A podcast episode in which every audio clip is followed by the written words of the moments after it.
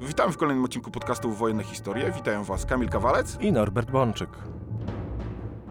Druga wojna światowa była największym oraz najkrwawszym konfliktem w dziejach. Na bazie wielu lat własnych badań naukowych, wertowania tysięcy stron zarchiwizowanych meldunków wojskowych, wreszcie publikowania książek i artykułów, staramy się przybliżać szereg zagadnień związanych z tą okrutną wojną, a także obalać wiele mitów. Jeżeli podoba się Wam nasz podcast, możecie wesprzeć nas wpłatą w serwisie Patronate pod adresem patronate łamane na podcast Wojenne Historie. Albo kupić nam symboliczną kawę w serwisie Buy Coffee łamane na podcast Wojenne Historie. Norbert, chciałbym, żebyśmy w dzisiejszym odcinku porozmawiali o Luftwaffe. Jest to ten element niemieckich wojsk, który w jakimś stopniu stał się legendarny w czasie II wojny światowej. Kiedy mówimy o Blitzkriegu, to niemiecka Panzerwaffe, niemieckie siły pancerne, no i to Luftwaffe zawsze się gdzieś tam przewija. Bo w pierwszym etapie wojny było to niezwykle skuteczne narzędzie podboju, ale potem nastąpiła jakaś pewnego rodzaju stagnacja, którą niełatwo dostrzec na pierwszy rzut oka, kiedy się tak patrzy na to, jak rozwija się Luftwaffe. Natomiast ta stagnacja sprawiła, sprawiła, że to niezwykle skuteczne narzędzie podboju z każdym rokiem stawało się coraz mniej skuteczne. Z czego to wynikało? Tutaj, Kamilu, powiedziałeś bardzo istotne słowo rozwój. Historia rozwoju Luftwaffe jest bardzo niejednoznaczna. To znaczy, rzeczywiście w 1935 roku w Rzeszy Niemieckiej powstaje nowy, samodzielny rodzaj sił zbrojnych, siły powietrzne Luftwaffe. I olbrzymie nakłady finansowe, surowcowe, przemysłowe, ludzkie są kierowane na rozwój zupełnie nowego rodzaju sił zbrojnych. I między 35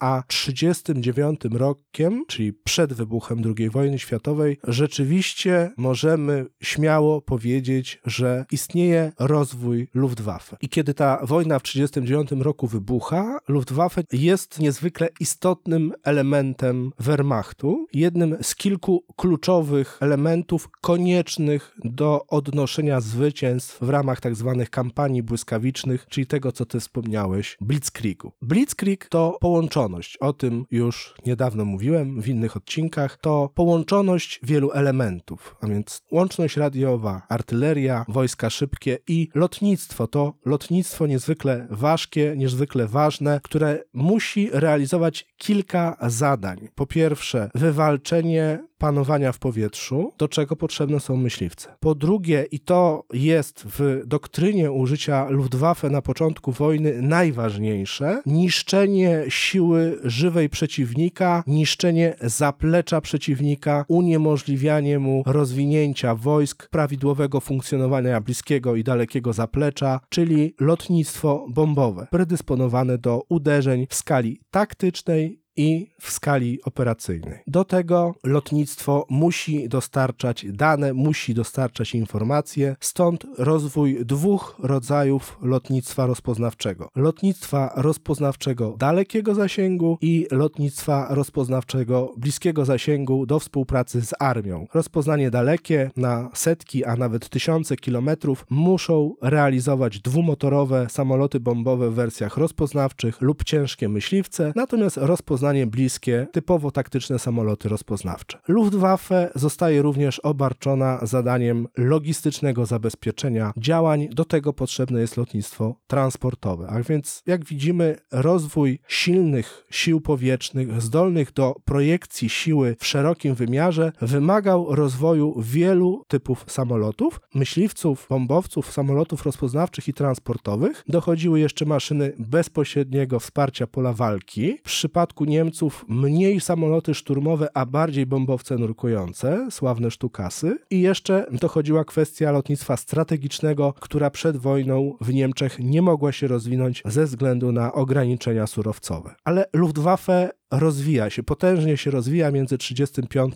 a 39 rokiem i to nie tylko samoloty, to nie tylko rozwijanie kolejnych dywizjonów i pułków bombowych, to nie tylko budowa kolejnych baz ale Luftwaffe to budowanie głębi zdolności, czyli rozwój potężnej logistyki, budowy potężnego zaplecza dla tych samolotów, żeby one mogły efektywnie funkcjonować oraz rozwój naziemnych sił Luftwaffe. Tutaj jakby to rozwijało się dwutorowo. Z jednej strony potężna artyleria przeciwlotnicza, odpowiedzialna i za obronę Rzeszy, i za obronę wojsk polowych. Z drugiej strony wojska inżynieryjne, wojska budowlane, to również wchodzi w skład Luftwaffe, bo Luftwaffe to nie tylko dywizjony myśliwskie, to nie tylko dywizjony Flak-Abwehrkanone, czyli działu przeciwlotniczych, ale to także bataliony łączności, bataliony budowlane, bataliony lotniskowe, ten cały potężny logistyczny ogon. I między 35 a 39 rokiem Niemcy przeznaczają 40% swoich wydatków, surowców w ramach swoich zbrojeń na rozwój lotnictwa. Lotnictwo jest równorzędnym partnerem w rozwoju dla wojsk lądowych i pochłania dwa razy więcej pieniędzy niż marynarka wojenna, czyli te tradycyjne rodzaje sił zbrojnych, zwłaszcza wojska lądowe, no bo Rzesza Hitlera, państwo kontynentalne, można by powiedzieć, że najważniejszy powinien być rozwój wojsk lądowych. Jednak Niemcy przed wojną myślą troszkę inaczej. Uważają, że właściwie zbilansowane siły zbrojne muszą mieć potężne lotnictwo, żeby było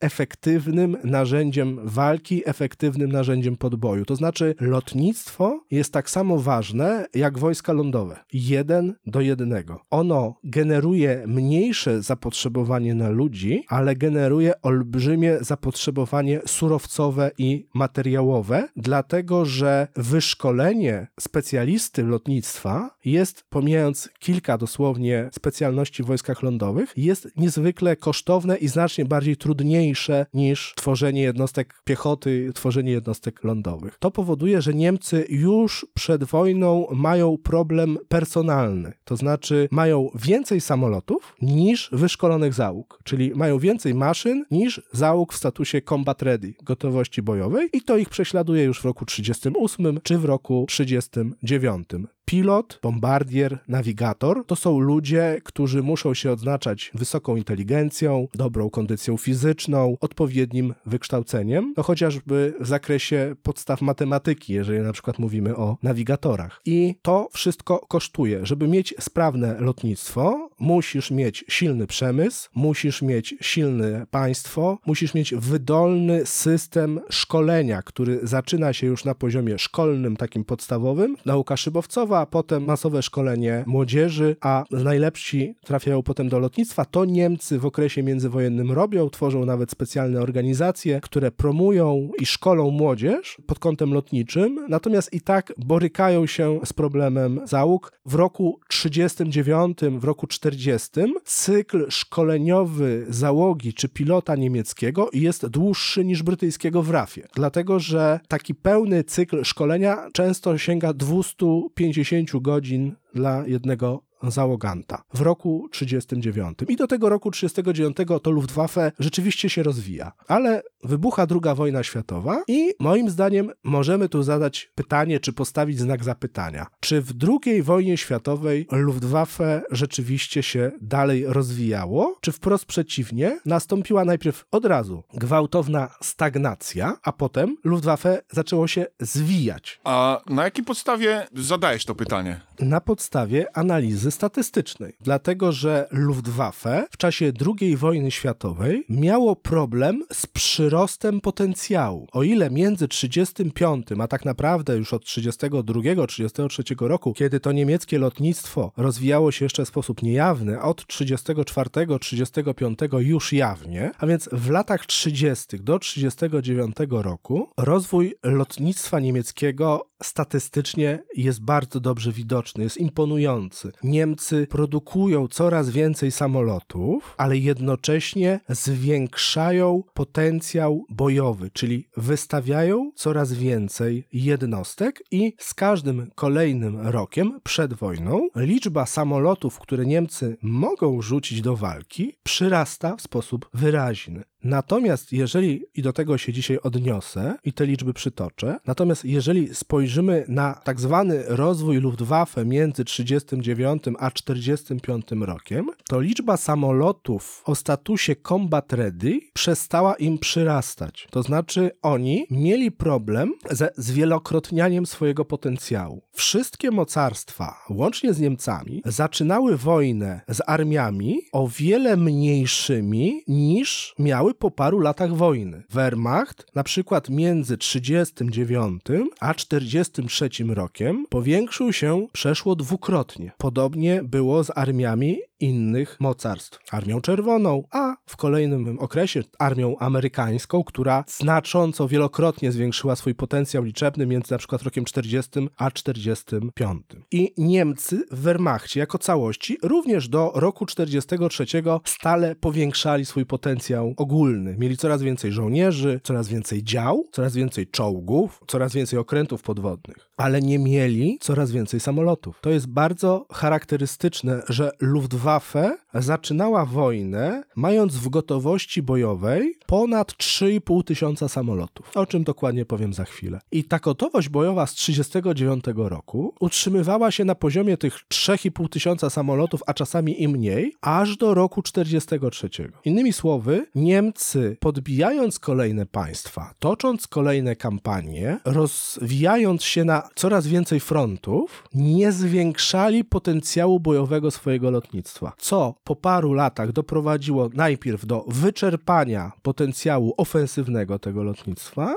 następnie do stagnacji, a następnie do upadku w latach 44 45. Z czego wynikał w takim razie ten fakt, że tych samolotów im nie przybywało? Niemcy stale zwiększali produkcję samolotów w czasie wojny. Statystycznie jednak ten duży wzrost produkcyjny dał się w linii zauważyć dopiero w roku 1944, dlatego że tak naprawdę Niemcy w sposób skokowy zwiększyli produkcję zbrojeniową dopiero w latach 43-44, po czym już w roku 1944 doznali załamania z przyczyn surowcowych. W związku z tym ten rok 44 jest statystycznie niejednoznaczny. Pierwszy kwartał, czy nawet pierwsze dwa kwartały 44 roku w Rzeszy Niemieckiej to jest olbrzymi wzrost produkcji, ale zwłaszcza ostatni kwartał roku 44 to już jest kompletna katastrofa gospodarcza, więc ten rok 44 jest tutaj niereprezentatywny. Ale Niemcy, można by powiedzieć, na serio, na masową skalę zaczęli wytwarzać samoloty w dużych ilościach dopiero w drugiej połowie wojny, ale to też nie do końca wyjaśnia całe zagadnienie, bo ich zdolności produkcyjne były powiązane z ich zdolnościami surowcowymi, przemysłowymi i szkoleniowymi, dostępnością paliw i tak.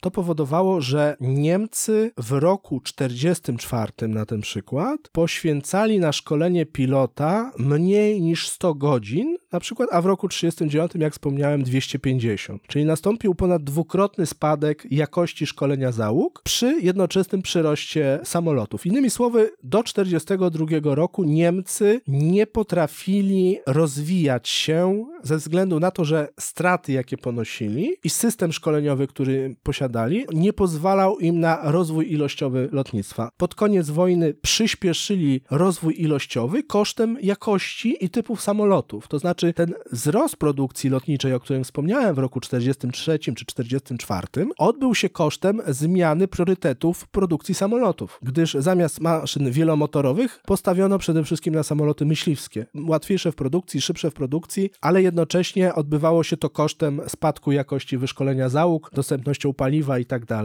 itd. Chodzi o to, że dlaczego Niemcy nie potrafili rozwinąć swojego lotnictwa? Ponieważ rozpoczęli wojnę mając wysoki potencjał, ale zderzyli się z tym, że ponoszą straty na tyle wysokie w 40, 41, 42, że nie są w stanie produkować tyle samolotów, żeby raz uzupełnić straty, dwa wyprodukować dodatkowe maszyny, które podniosą im poziom gotowości bojowej, trzy połączyć to z systemem szkolenia, bo Niemcy starali się do 41-42 roku dobrze szkolić swoje załogi, a potem jakość tego szkolenia zaczęła gwałtownie spadać w dół i dopiero dopiero kiedy zaczęto ciąć szkolenie, przyspieszać proces wprowadzania nowych załóg do linii, dopiero wówczas Niemcom udało się zwiększyć potencjał formalny, co na przykład było odwrotnością do tego, co robili Anglicy i Amerykanie, którzy przez całą wojnę zachowali bardzo wysoki poziom szkolenia i zdołali to połączyć z gwałtownym wzrostem potencjału, a Niemcy tego w czasie II wojny światowej nie potrafili. Zacznijmy jednak może od liczb. Pierwszego, a właściwie, jeżeli weźmiemy to dane kwatermistrza Luftwaffe na 2 września 1939 roku, a więc drugi dzień wojny, w gotowości bojowej Niemcy posiadali, to nie mówimy o wszystkich samolotach, bo tak jak powiedziałem, mówimy o samolotach, które w danym dniu mogły formalnie wziąć udział w misji bojowej. Mówimy o samolotach o statusie combat ready i samolotach operacyjnych operacyjnych sprawnych na dany dzień. To jest kluczowa statystyka, bo nie interesują nas samoloty w naprawach na przykład. To, że mamy na przykład warsztaty lotnicze, gdzie stoi 100 myśliwców i wszystkie są niesprawne, no to one są punktem do statystyki, ale żaden z nich do walki nie poleci. Więc 2 września 1939 roku Niemcy posiadali 3659 samolotów w gotowości bojowej. 3659 samolotów i to był poziom, którego nie potrafili potem już utrzymać przez wiele lat. Po pokonaniu Francji, w momencie przystąpienia do bitwy o Anglię, w gotowości bojowej Luftwaffe miało 3157 samolotów czyli potencjał ofensywny Luftwaffe w momencie przystępowania do bitwy o Anglię był o prawie 500 samolotów niższy niż w momencie, kiedy Hitler przystępował do wojny. A kiedy z kolei 22 czerwca 1941 roku uderzył na Związek Radziecki, w gotowości bojowej Luftwaffe miało 3428 samolotów, czyli mniej niż 2 września 1939 roku. A kiedy latem 1942 roku rozpoczęła się druga niemiecka ofensywa, to dla przykładu według meldunku z 27 lipca 1942 roku cała Luftwaffe miała w gotowości bojowej 3500 samolotów. Zobaczmy, czy to jest rok 39, czy to jest rok 40. Czy to jest rok 41, czy to jest rok 42? Niemcy prowadzą kolejne kampanie ofensywne. Podbijają Polskę, Danię, Norwegię, Holandię, Luksemburg, Belgię, Francję, walczą z Anglią, potem inwazja Jugosławii, Grecji, rozpoczęcie wojny ze Związkiem Radzieckim. Wojna trwa rok, drugi, trzeci, a potencjał bojowy Luftwaffe nie przyrasta. Giną ludzie, trzeba ich zastąpić nowymi, następuje bardzo duża rotacja personelu. Musimy zdawać zdawać sobie sprawę również z tego, że w tamtych czasach co trzeci stracony samolot to jest samolot utracony w wypadku w czasie szkolenia z powodu defektu technicznego, złych warunków pogodowych, czyli straty niebojowe są olbrzymie i w Luftwaffe idą one w tysiące samolotów. Do tego oczywiście dochodzą działania bojowe, ale czas ofensyw niemieckich między 39 a 42 rokiem nie jest czasem rozwoju Luftwaffe w rozumieniu liczebności samolotów, bo oczywiście Luftwaffe się rozwija, tylko ono coraz bardziej się rozwija na lądzie. Jest coraz więcej dział przeciwlotniczych, jest coraz więcej jednostek naziemnych, coraz więcej jednostek budowlanych, ale nie rozwija się w sposób analogiczny potencjał powietrzny. I teraz na te lata niemieckich ofensyw spójrzmy przez pryzmat poszczególnych typów samolotów. Najważniejszym niemieckim samolotem w koncepcji rozwoju Luftwaffe przedwojennej i w początkowym okresie wojny dla Luftwaffe był samolot ofensywny, czyli bombowiec czyli maszyna, która niszczyła cele na terytorium wroga. Tak jak powiedziałem, i na poziomie taktycznym, i na poziomie operacyjnym. Kiedy wybuchła II wojna światowa, Niemcy mieli około tysiąca operacyjnych bombowców dwumotorowych. To był ich najważniejszy typ samolotu. Dokładnie 2 września to było 1020 maszyn w gotowości bojowej. Podbój Francji był bardzo ciężki, krwawy, Niemcy ponieśli tam bardzo duże straty. Przystępując więc do bitwy o Anglię latem 40 roku mieli tych bombowców w linii 960, czyli można powiedzieć bardzo podobnie jak we wrześniu 39 roku. W 41 roku, jak ruszali na Związek Radziecki, ich bombowców w gotowości bojowej mieli 931, przy czym to są dane z 24 czerwca. 22 czerwca to było ponad 1000 maszyn, straty pierwszych dni były jednak dosyć wysokie. A w roku 42 bombowców było 1119. Dopiero w roku 42 można by powiedzieć, że liczba maszyn w gotowości bojowej była podobna jak w roku 39. Chodzi mi o to, że przez te wszystkie lata podboju możemy zaokrąglić, uogólnić i powiedzieć, że Luftwaffe miała 1000 dwumotorowych bombowców, które mogła rzucić do walki. We wrześniu 1939 roku praktycznie wszystkie bombowce, ale nie wszystkie, bo w dwóch flotach powietrznych na froncie zachodnim też zostały bombowce niemieckie, zostały też do walki z żeglugą. To raz jeszcze mówimy, to, że Niemcy byli słabi we wrześniu 1939 roku na zachodzie, to jest mit. Oni zostawili przeciwko Francuzom i Anglikom drugą flotę powietrzną, trzecią flotę powietrzną, tysiąc własnych samolotów, których nie zaangażowali przeciwko Polsce, bo wystawili je do walki z Francuzami i Anglikami ale we wrześniu 1939 roku Luftwaffe mogła rzucić prawie wszystkie swoje pułki bombowe na Polskę. W maju 1940 roku też prawie całe lotnictwo niemieckie, ponad 3000 maszyn, mogło runąć na Francję. Oczywiście już był dodatkowy front, Norwegia. Tam była już nowa, piąta flota powietrzna i ona już angażowała część sił, ale jednak gros uderzenia w 1940 roku w maju poszedł na Francję, a potem w sierpniu na Wielką Brytanię, przy czym ta bitwa o Anglię, ta mityczna bitwa o Anglię była już na zmęczonego przeciwnika. I Anglicy byli zmęczeni, ale i Niemcy byli zmęczeni. Podbój Francji był tak kosztowny dla Luftwaffe, że przystępując do ataku na Wielką Brytanię, no tych bombowców nie mogli zebrać właściwie nawet tysiąca. No ale powiedzmy, że mieli ten tysiąc bombowców na Polskę, na Francję, na Anglię. W 1941 roku, nadal mając około tysiąca bombowców, musieli zacząć już się rozdzielać na wiele frontów. Morze Śródziemne, Wielka Brytania i Związek Radziecki. I już dla Hitlera i dla Luftwaffe zaczęła się wojna na wiele frontów. Podobnie było w roku 1942. Ten 1100 bombowców no nie mógł być zebrany w jednym miejscu. Od momentu, kiedy Hitler ruszył na wschód, możliwości projekcji siły przy użyciu bombowców niemieckich zaczęły się Niemcom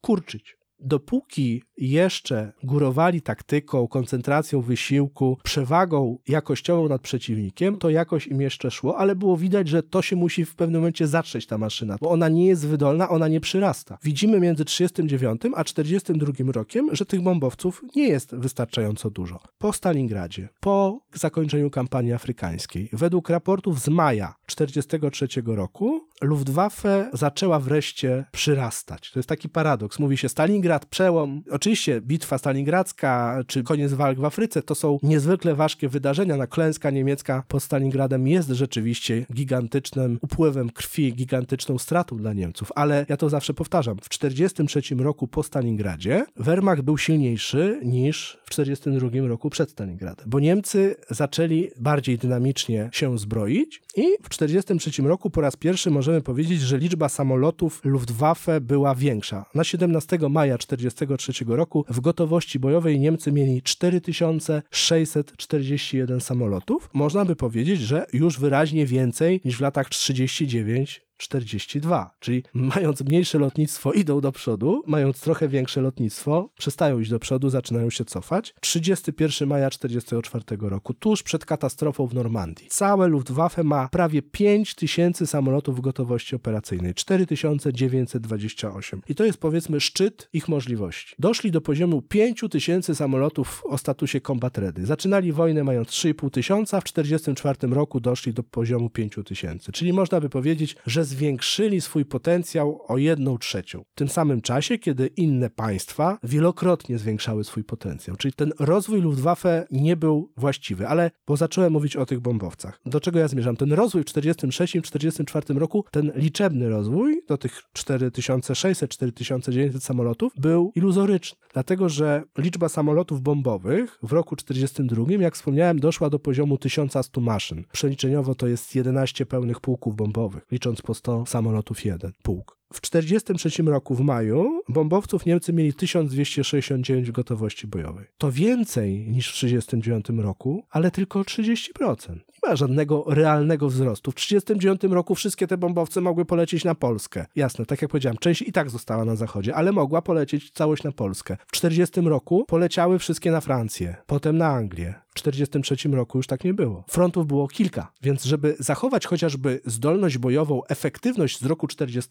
Niemcy w 1943 roku powinni posiadać co najmniej 3000 bombowców. No bo mają front zachodni, front wschodni, front południowy, a mają ich tylko 1200. I to był już y, szczyt możliwości. Już w roku 1944 znowu ich lotnictwo bombowe nie miało więcej jak 1000 bombowców w linii. I to już był koniec, bo o tym powiem jakby w dalszej części. Ale to już był w tym momencie koniec rozwoju ich lotnictwa bombowego, czyli ich lotnictwo bombowe przez całą wojnę między 39 a 40 rokiem nie operowało nigdy większą liczbą bombowców dwumotorowych horyzontalnych jak między 1000 a 1300 sztuk. Nie ma tu mowy o statystycznym rozwoju lotnictwa bombowego. Oni byli naprawdę silni 39 i w 40 roku, a potem przestali nadążać za konkurencją. Czyli tak naprawdę ten potencjał niemiecki był wtedy duży, kiedy mogli zgrupować te swoje bombowce na jednym kierunku operacyjnym. Tak, znaczy oni nigdy nie mieli jakichś super wielkich sił lotniczych tak naprawdę, ale dopóki toczyli wojnę na jednym kierunku operacyjnym, a na innych mieli spokój, mogli skoncentrować cały wysiłek w jednym miejscu i to przynosiło efekt. Wtedy te tysiąc bombowców no, robiło swoją robotę. Natomiast potem, nadal mając tysiąc, tysiąc trzysta bombowców, ale rozproszonych na wielu frontach, no to już nigdzie nie mieli głębi zdolności i ich lotnictwo przestało być efektywne. A czy sytuacja z myśliwcami wyglądała podobnie zatem? Czy też byli tylko silni wtedy, kiedy mogli je zebrać na jednym kierunku operacyjnym? Z myśliwcami historia jest z jednej strony podobna, a z drugiej strony nieco odmienna. Przed wojną myśliwiec nie był uważany za najważniejszy element Luftwaffe. Tak jak powiedziałem, bombowiec był tym numerem jeden, a myśliwiec był pewną koniecznością. Niemcy uważali, że myśliwce no to przede wszystkim muszą zwalczać siły powietrzne przeciwnika oraz muszą bronić własnego terytorium, ale to nie było w ich oczach to, co oni chcieli osiągnąć w ramach Blitzkriegu. Oczywiście myśliwce były potrzebne w ramach Blitzkriegu, ale to porażenie na lądzie przeciwnika było kluczowe, stąd jakby rozwój lotnictwa bombowego był ważniejszy. Ale myśliwce mają tą zaletę i tą przewagę nad bombowcami, że są tańsze. W produkcji, w służbie, w szkoleniu, bo trzeba wyszkolić jednego pilota, a nie na przykład czterech załogantów. Potrzebujesz jednego silnika, a nie dwóch i to powoduje, że produkcja myśliwców jest tańsza i szybsza. W 1939 roku Niemcy mieli bardzo podobną liczbę myśliwców jednosilnikowych jak bombowców, prawie tysiąc maszyn. W 1939 roku one były rozdzielone na dwa fronty. Bardzo dużo myśliwców Niemcy zostawili na froncie zachodnim. Przeciwko nam wysłali część, to wystarczyło niestety. Mieli bardzo dużą przewagę, ale mieli około tysiąca myśliwców i znów, tak jak z bombowcami, w gotowości bojowej w ramach kolejnych kampanii nie byli w stanie przeskoczyć poziomu tysiąca myśliwców. 17 sierpnia 40 roku w gotowości bojowej myśliwców jednosilnikowych było 787, wyraźnie mniej niż we wrześniu 39 roku, no efekt strat z kampanii francuskiej. 24 czerwca 41 roku myśliwców jednosilnikowych w linii w gotowości bojowej 898 mniej niż we wrześniu 1939 roku. Lipiec 1942 roku w gotowości bojowej 945 myśliwców jednosilnikowych. Znów, to jest ten sam rząd wielkości, co rok wcześniej, co dwa lata wcześniej, co trzy lata wcześniej. I znów, dopiero rok 43 przynosi tu pewien przełom, ale też nie od razu, bo raporty z maja 43 roku. 980 myśliwców jednosilnikowych ma Luftwaffe w gotowości bojowej, czyli wciąż tyle samo, co w roku 39. I wtedy rozpoczyna się duży wzrost produkcji myśliwców w Niemczech, ale też lawinowo rosną straty i bojowe, i niebojowe, bo piloci zaczynają być coraz gorzej szkoleni. Młodzi ludzie trafiają na myśliwce i opanowanie takiego samolotu bywa dla nich trudne, czasami śmiertelnie trudne. Jeszcze tuż przed Normandią, 31 maja 1944 roku, według raportów niemieckich w gotowości bojowej w całej Europie jest 1063 myśliwce jednosilnikowe dzienne. Czyli my mówimy o takim samym potencjale tuż przed Normandią, jak we wrześniu 1939 roku. Wszyscy inni dookoła zwielokrotnili potencjał. Anglicy i Amerykanie zrobili to w sposób imponujący, a Niemcy w 1944 roku wciąż mają to samo, co w 1939 czy 1940 roku. Tysiąc myśliwców. Tylko, że teraz te myśliwce są i w Norwegii, i we Włoszech, i we Francji, i na wschodzie, no i Rzeszy muszą bronić. Wyraźny wzrost liczby myśliwców jednosilnikowych w Rzeszy następuje w momencie, kiedy Rzesza zaczyna zapadać się do środka. Zostaje wprowadzony latem 1944 roku taki alarmowy program szybkiej budowy myśliwców. Niemcy przechodzą do głębokiej defensywy, rezygnują z bombowców i potrzebują samolotów myśliwskich. To przynosi efekty. 10 stycznia 1945 roku cała Luftwaffe ma prawie 1500 myśliwców jednosilnikowych. Mimo olbrzymich strat, mimo katastrofy Bodenplatte i późniejszych walk, 1500 myśliwców, czyli pod koniec 44, w drugiej połowie 44 roku, na początku 45, to tych myśliwców jest wyraźnie więcej, no ale to nie jest o kilka razy więcej. To jest 1000 w 39 roku we wrześniu, 1500 w styczniu 45.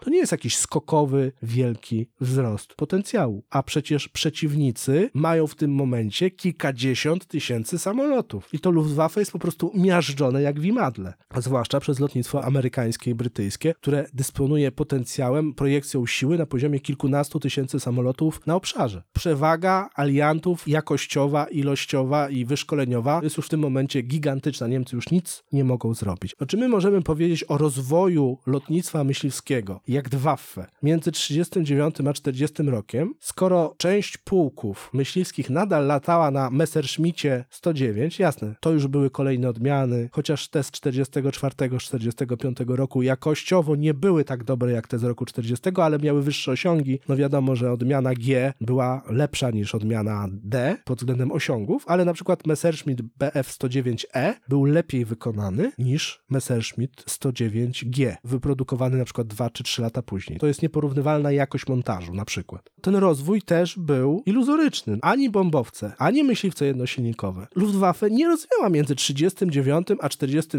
na przykład trzecim rokiem projekcji siły w tym zakresie dwu, trzy, czterokrotnie, tak jak na przykład zrobili to Brytyjczycy czy Amerykanie, czy nawet Rosjanie, którzy mieli zawsze dużo samolotów, tylko one były niezwykle nieefektywne, ale na froncie było zawsze dużo radzieckich samolotów. I Niemcy, póki byli w stanie koncentrować te myśliwce, te bombowce w jednym miejscu, mogli jeszcze odnosić operacyjne, ale nie strategiczne sukcesy. Od 1941 roku to się już praktycznie nie mogło więcej zdarzyć. To jest bardzo charakterystyczne. Jeszcze w letnim okresie operacji Barbarossa niemiecki wysiłek jest przede wszystkim skupiony na froncie wschodnim, ale już od jesieni 1941 roku to zaczyna się Niemcom rozłazić. Część jednostek przechodzi na zachód, część na południe i już Niemcy utkną w takiej wojnie na wiele frontów, wojnie lotniczej. I tutaj jedyną dla nich szansą, jedynym ratunkiem byłoby zwielokrotniać swój potencjał. Nie, że z 3,5 tysiąca na 4,5, a potem na 5 tysięcy samolotów, tylko żeby zamiast 3,5 tysiąca samolotów nagle mieli w linii 7,5, 10 tysięcy. No ale czy takie zwielokrotnienie potencjału było tak naprawdę możliwe w wypadku Niemiec? Gdyby inaczej rozłożyć akcenty w całej gospodarce, tak. Natomiast w tym systemie, który Niemcy sobie zaordynowali, nie było to możliwe. Dlatego, że tak jak powiedziałem, Niemcy zwiększali produkcję lotniczą. Samolotów produkowali z roku na rok coraz więcej, ale jednak nie w takiej skali, która by pozwalała uzupełniać straty i rozbudowywać potencjał. Trzeba byłoby zrezygnować z rozwoju innych rodzajów sił zbrojnych czy rodzaju wojsk. To znaczy zadać sobie pytanie, czy rzeczywiście warto wydawać dziesiątki miliardów marek i surowców na okręty podwodne, czy zamiast na przykład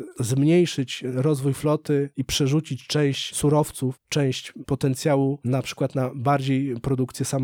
Trzeba sobie zdać sprawę, że Niemcy też mieli uwarunkowania surowcowe. Do produkcji samolotów potrzebne jest na przykład aluminium, ale już na przykład kwestie paliwowe, to Niemcy swoje samoloty, tak jak zachęcamy do odcinka o ropie naftowej, Niemcy napędzali swoje samoloty paliwem syntetycznym z rafinerii, które mieli na terenie Rzeszy. Produkcja paliw lotniczych była produkcją paliw syntetycznych. Ale gdyby postawić więcej takich na przykład fabryk zamiast rozwoju jakichś stoczni, to można dyskutować, tylko że to można było robić w kontekście koncepcji rozwojowej gdzieś w 41-42 roku. Od 43, a już na pewno od roku 44 było za późno na jakiekolwiek działania systemowe, bo to już był koniec. 44 rok to jest rok, w którym Niemcom złamano kręgosłup. Bo odcięto ich od surowców. A kiedy odcięto ich od surowców, to ich ta wielka 10-milionowa armia, mająca te 5 tysięcy samolotów, kilka tysięcy czołgów, dziesiątki tysięcy dział, w ciągu 12 miesięcy przestała istnieć, bo został zniszczony krwiobieg i mięśnie same padły. Niemcy mieli zawsze problem z priorytetyzacją rozwoju swojego lotnictwa, a to już ich dotykało przed wojną. Ciągle były dyskusje w łonie Luftwaffe. Jak więcej samolotów, to mniej dział przeciwlotniczych. Jak więcej dział przeciwlotniczych, to mniej samolotów. A jeszcze trzeba było produkować bomby, budować lotniska i tak dalej. Więc cały czas trwał w Niemczech takie przeciąganie liny o surowce, o robotników. Kto kogo, kto kogo. I tak jak powiedziałem, między innymi ofiarą tego przeciągania liny o surowce przed wojną padł bombowiec czteromotorowy, bombowiec strategiczny, bo Niemcy uznali, że już po prostu nie mają mocy przerobowych i surowców, żeby jeszcze to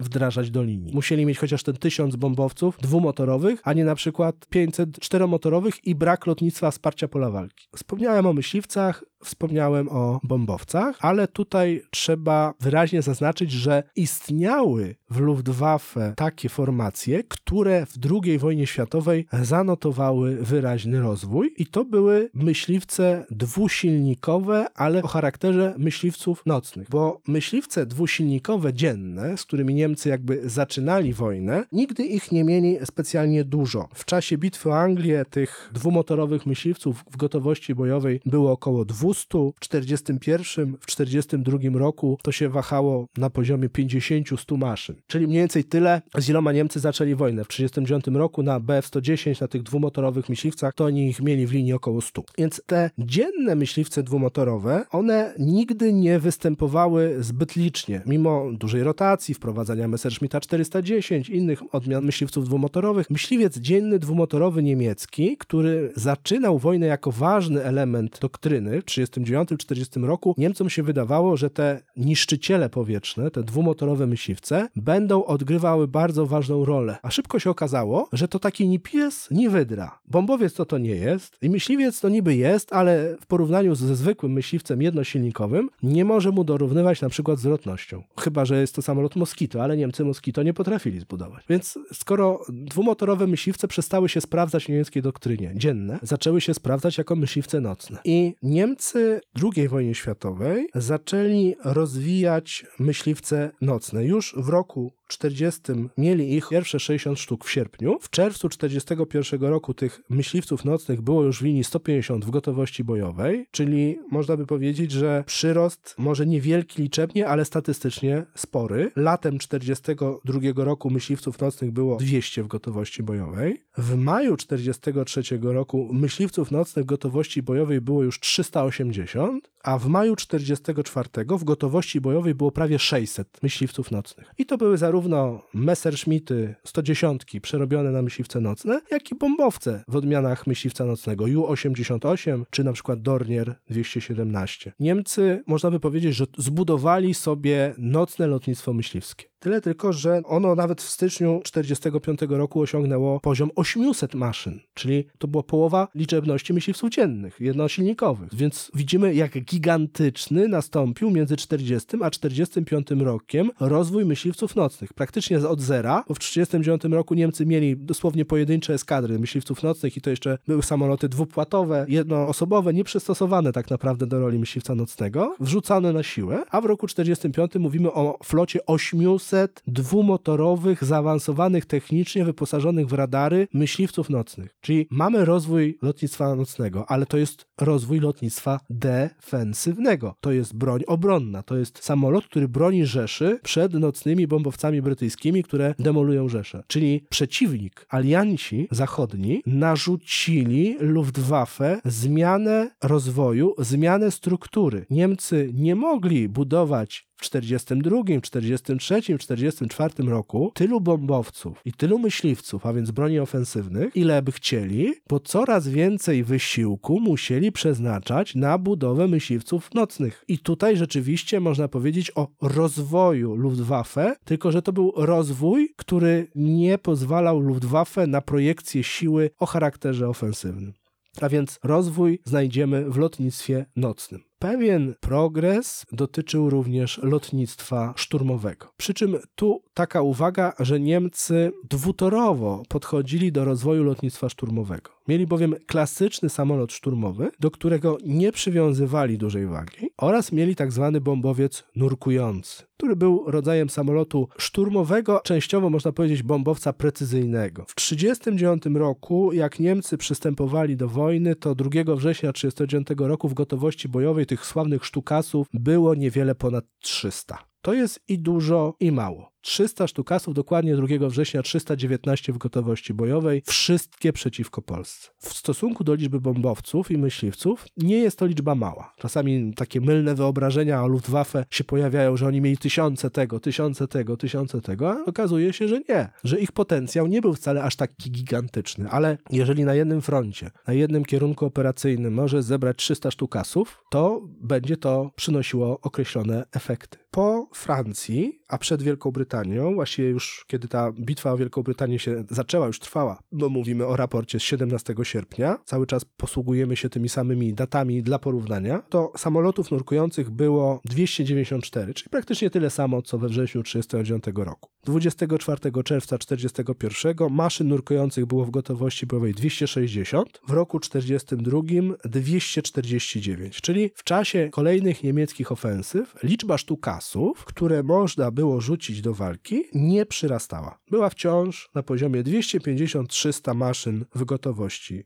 bojowej. Podobnie jak w przypadku myśliwców, liczba bombowców nurkujących, które stopniowo były przekwalifikowane na maszyny szturmowe, zaczęła wzrastać w roku 1943. Czyli kiedy Niemcy utracili inicjatywę, byli w stanie mieć w linii około 400 sztukasów, ale uznano w roku 1943, że sztukas jest już samolotem przestarzałym i zaczęto go zastępować w linii jednoosobowymi samolotami szturmowymi budowanymi na bazie samolotów takich jak Focke-Wulf 190, czyli na bazie myśliwca. Powstawały lepiej opancerzone, silnie uzbrojone, chociaż mniej manewrowe wersje takie jak F czy G, czyli samoloty szturmowe na bazie myśliwców. Jakby Niemcy mieli tutaj takie rozróżnienie, bo niezależnie od tego jeszcze mieli tak zwane Jabo, czyli te jak bombery, czyli myśliwce bombardujące, to była jakby osobna skala, były po prostu jednostki na myśliwcach szkolone do bombardowań, ale niezależnie od tego to lotnictwo szturmowe do 1943 roku opierało się przede wszystkim na sztukasach. Od 1943 zaczęło się bardziej przezbrajać na takie samoloty jak Focke-Wulf, bo taki klasyczny samolot szturmowy, jak na przykład Henschel 129, on był w linii, ale to zawsze była efemeryda. Tak naprawdę niemiecki samolot szturmowy to najpierw jest bombowiec nurkujący, a potem samolot szturmowy, myśliwski samolot szturmowy. W roku 1944 przed Normandią, jeśli chodzi o lotnictwo szturmowe, to Niemcy mieli 350 maszyn w linii. Czyli już nie tylko sztukasów, ale też i tych maszyn e, na bazie Focke-Wulfów. Czyli czy my możemy tu powiedzieć o wzroście? W roku 1945 w styczniu to było szczytowe osiągnięcie możliwości Luftwaffe, to było 613 samolotów szturmowych gotowości bojowej. Czyli między 39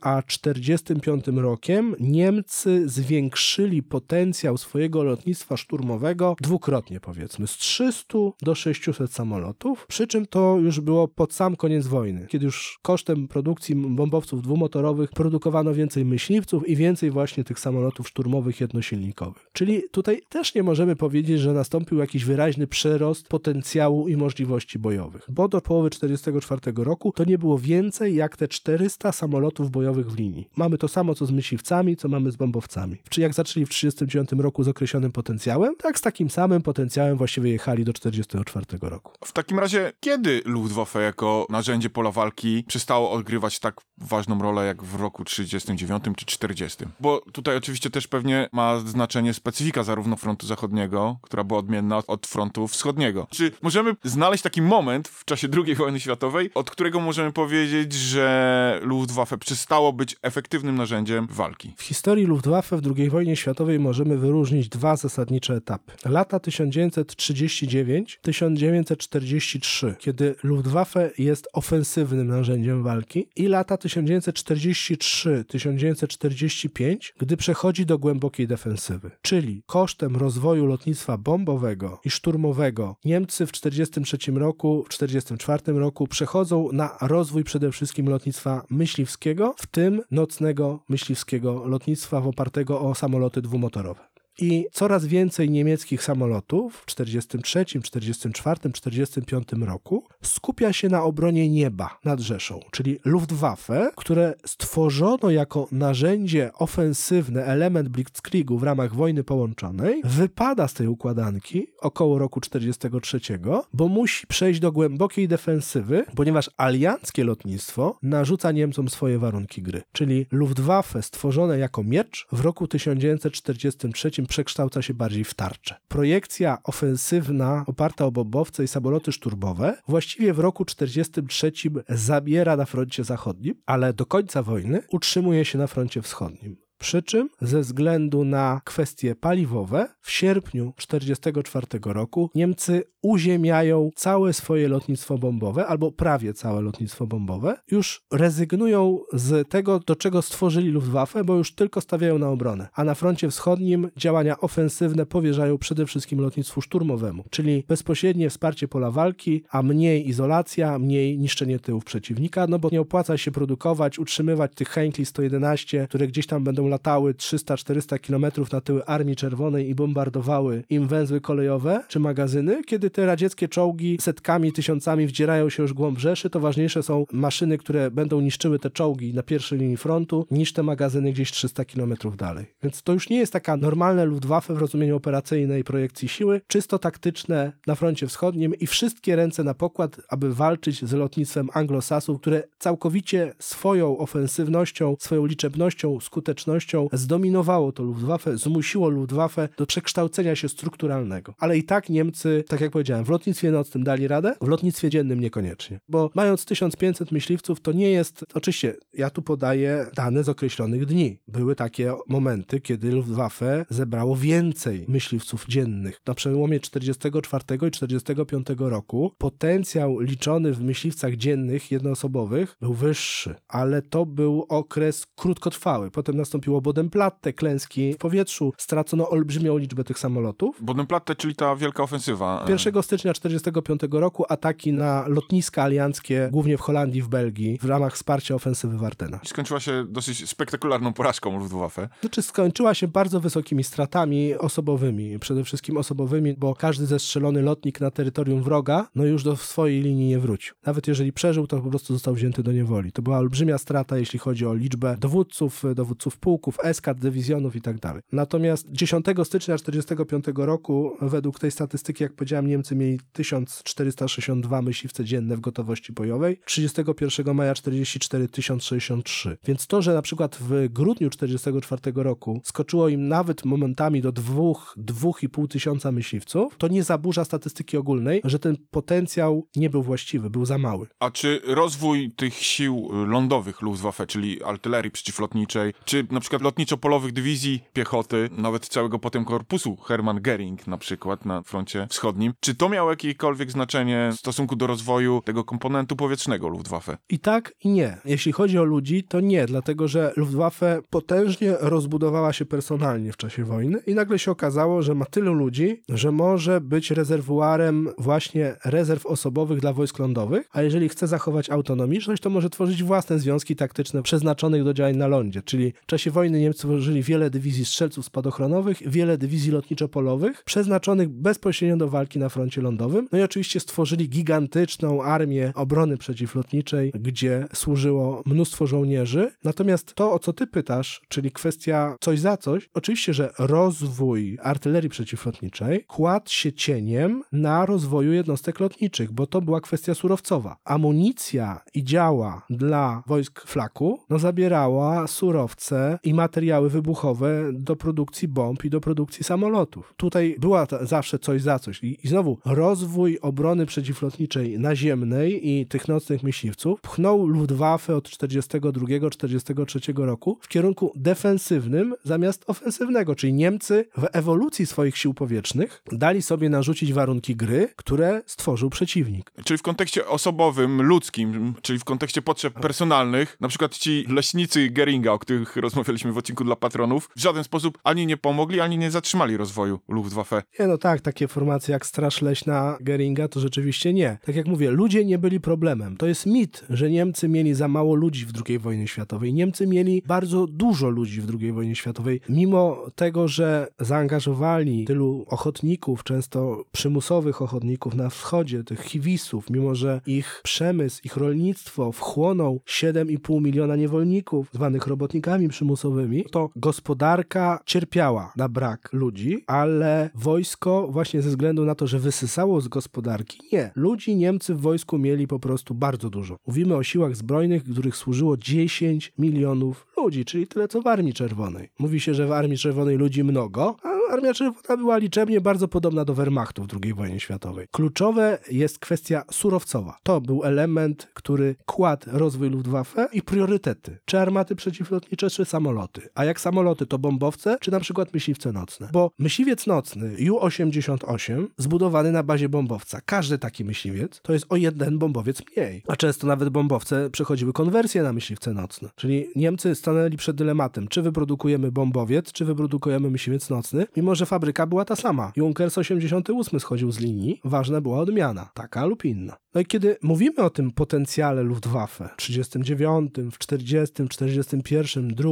3, 44 roku, on statystycznie nie przyrasta do 42 roku w ogóle. Przyrasta od roku 43, ale to nie są takie wzrosty, które by wpływały właśnie na potencjał myśliwski, potencjał bombowy w szerszym wymiarze czasu. Bo oczywiście zdarzać się będą takie pojedyncze daty, pojedyncze dni, gdzie liczba gotowych samolotów przyrośnie. Na przykład nie będzie 1000 myśliwców, tylko 1500, ale to będą jednostkowe przypadki. I ten brak rozrostu liczebnego był dla Niemców olbrzymim problemem, bo nie przez przypadek na początku powiedziałem o myśliwcu, o bombowcu, o samolocie rozpoznawczym, transportowym i tak dalej. Bo w tych 3,5, potem 4,5 tysiąca samolotów gotowości bojowej mieściły się wszystkie te typy, łącznie z transportowymi. 31 maja 1944 roku powiedziałem, że Niemcy mieli ten szczyt możliwości, mieli prawie 5 tysięcy samolotów w gotowości bojowej. Ale w tych 5 tysiącach samolotów w gotowości bojowej tuż przed Normandią było aż 700 samolotów transportowych. 123 morskie, 153 dalekiego rozpoznania, 210 bliskiego rozpoznania, 300 lekkich maszyn nękających nocnych. Innymi słowy, 5 tysięcy samolotów, ale rozbitych na wiele klas i typów i na wiele frontów. Północny, południowy, wschodni, zachodni, nad Rzeszą. I często się okazywało, że przybywał przeciwnik wielkimi armiami, a na danym obszarze operacyjnym Niemcy na przykład mieli 300 samolotów albo 500 samolotów, bo byli kompletnie rozproszeni i nigdzie nie dysponowali głębią zdolności.